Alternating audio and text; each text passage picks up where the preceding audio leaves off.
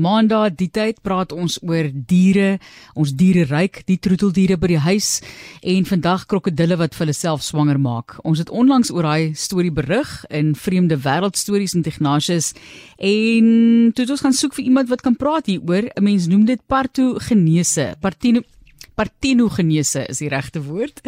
En professor Hannes van Wyk vertel vir ons daarvan, dis basies diere wat hulle self bevrug.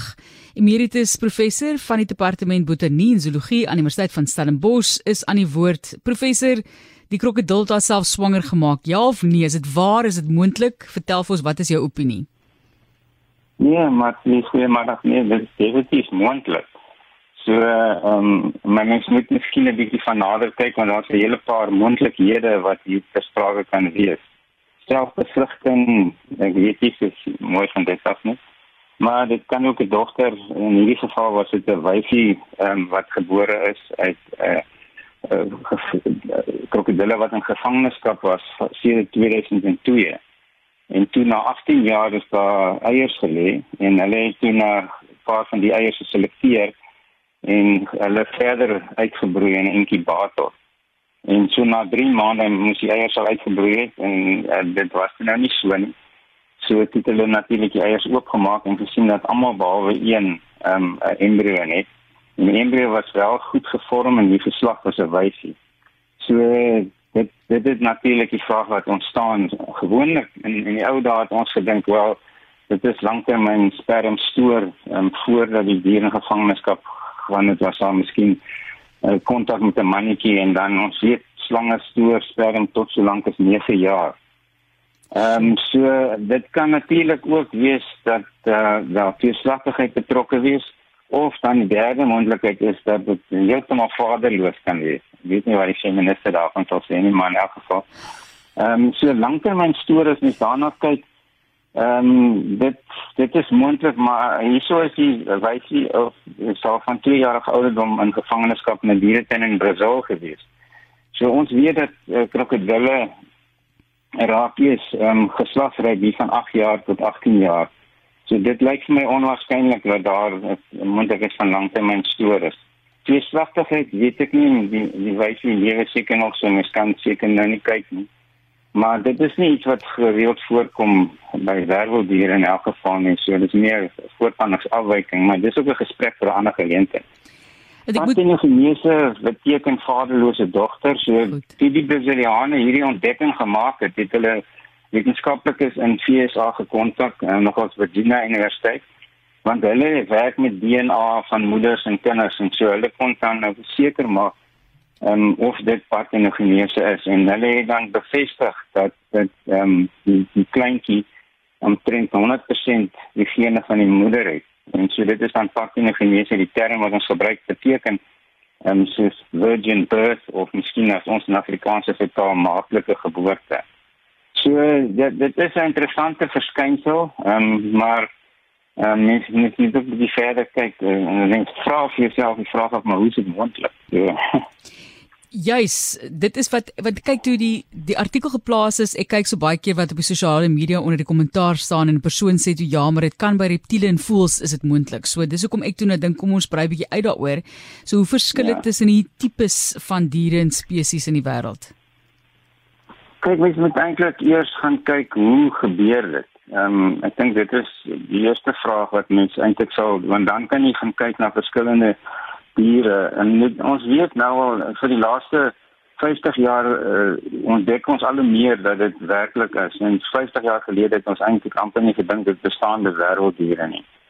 So as mens gaan kyk na normale moeder produseer eierselle en wat die helfte van haar DNA moet afgooi sodat sy kan plek maak vir die vader se spermselle wat ook die helfte van sy DNA afgegooi het en hulle versnel dan deur bevrugting en dan kry jy 100% DNA en jy het 'n nuwe individu wat so gevorm het.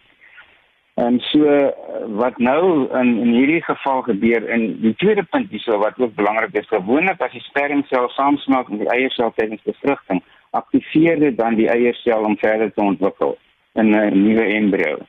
En so maar nou met partenogenese is is, is die mannetjie nie versprake nie. Daar's nie 'n spermsel versprake nie Ehm um, en jy doen nog steeds jou volle komplement DNA hè.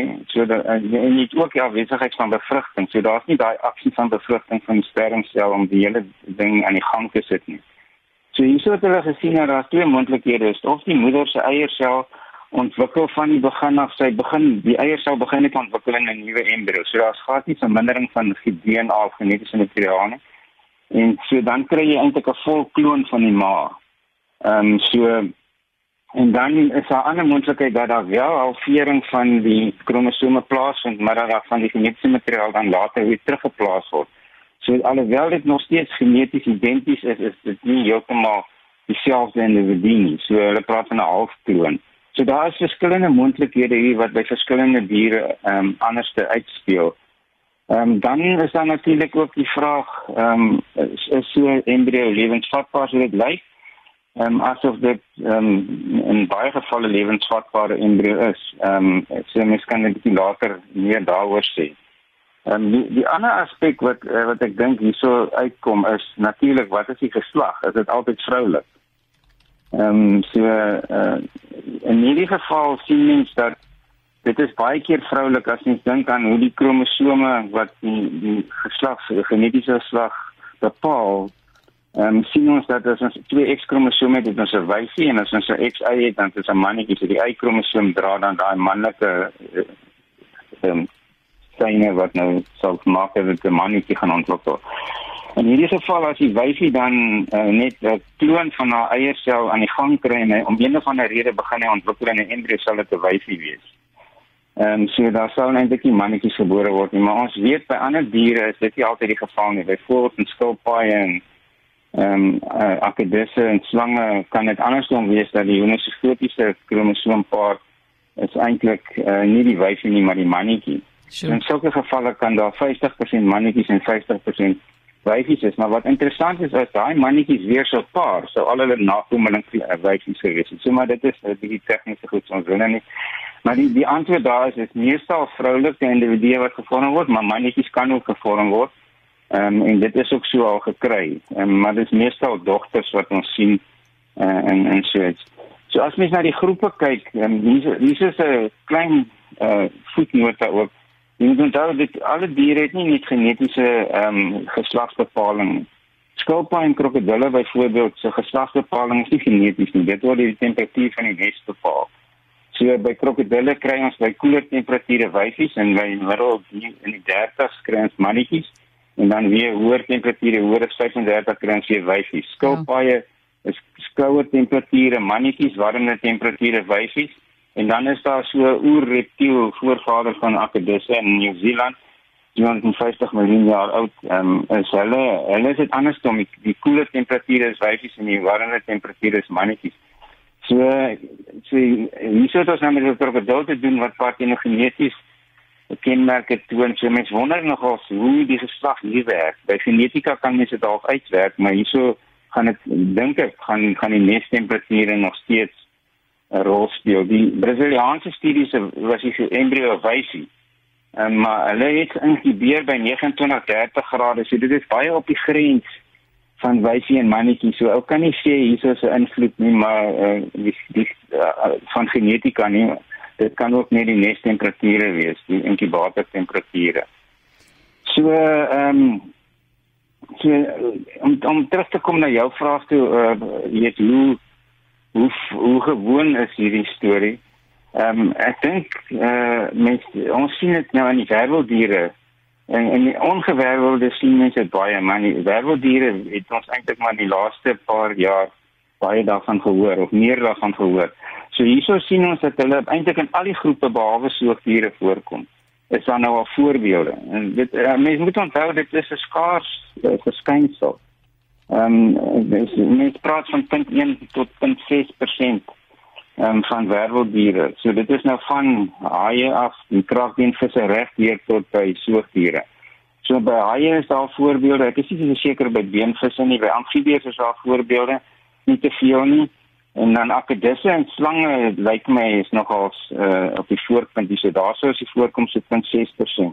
Jo. Leislange, boas is dit al gekry. Ehm um, so daarso is al uh, in die slange ook is daar by natuurlike populasies gekry en by akedisse waar ons normaalweg hierdie assosieer met uh, gevangenskap. Jy weet so jy kan redeneer, miskien is dit 'n manier as 'n wyf in gevangenskap is om nakommelinge te kry, maar so dan uh, dan sou dit eintlik vir my 'n bietjie meer misplaase vind dit, maar mens ons weet nog eintlik niks. Tot nou toe was dit nie 'n krokodille be, be, bekend nie. So en ook nie 'n skilpaai nie. Nou hulle is die twee groepe wat bekend is dat hulle omgewingstemperatuur geslagsbepaling het, maar nou is hierdie in die eerste geval van 'n krokodil wat dit miskien beduidend maak. Voels kom dit ook voor, daar's nogals eksperimente met kalkoene gedoen en ook kondor roofvoëls. Ehm um, is al is al gevalle studie gedoen.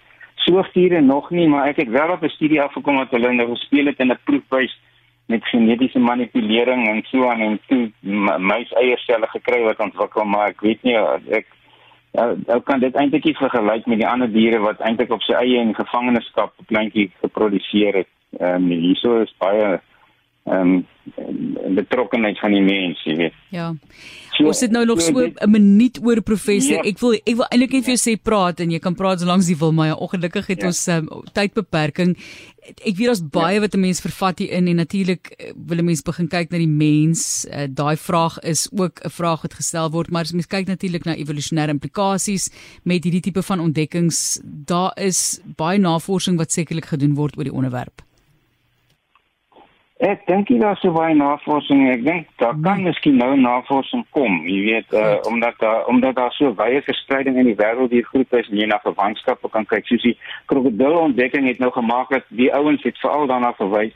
Dit is hulle nogals belangrik om te wys dat op die krokodil lyn, onthou die krokodil lê op die argesaurie lyn wat na die voëls toe gaan. Ek spot altyd met kinders en sê krokodille is eintlik voëls, maar uh So, maar dit is ook die lyn waar die dinosourus op is. So dit trek mos altyd die mense aandag en so die ouens het eintlik gesê dis beduidend dat hierdie ontdekking gemaak is want dit is op die lyn van die dinosourus. Maar hulle het nie eintlik gesê hoekom dit vir hulle belangrik is en so ek dink uit 'n wetenskaplike oogpunt vir ons is dit belangrik want nou kan ons begin planne maak om om te dink of dit dalk voorgekom het. Maar dit wys nie daarop dit is 'n ou kenmerk, dit is 'n primitiewe kenmerk van 270 tot 300 miljoen jaar gelede wat dit uh, miskien al daar gekom het en dit word eintlik maar net oorge oorgeerf.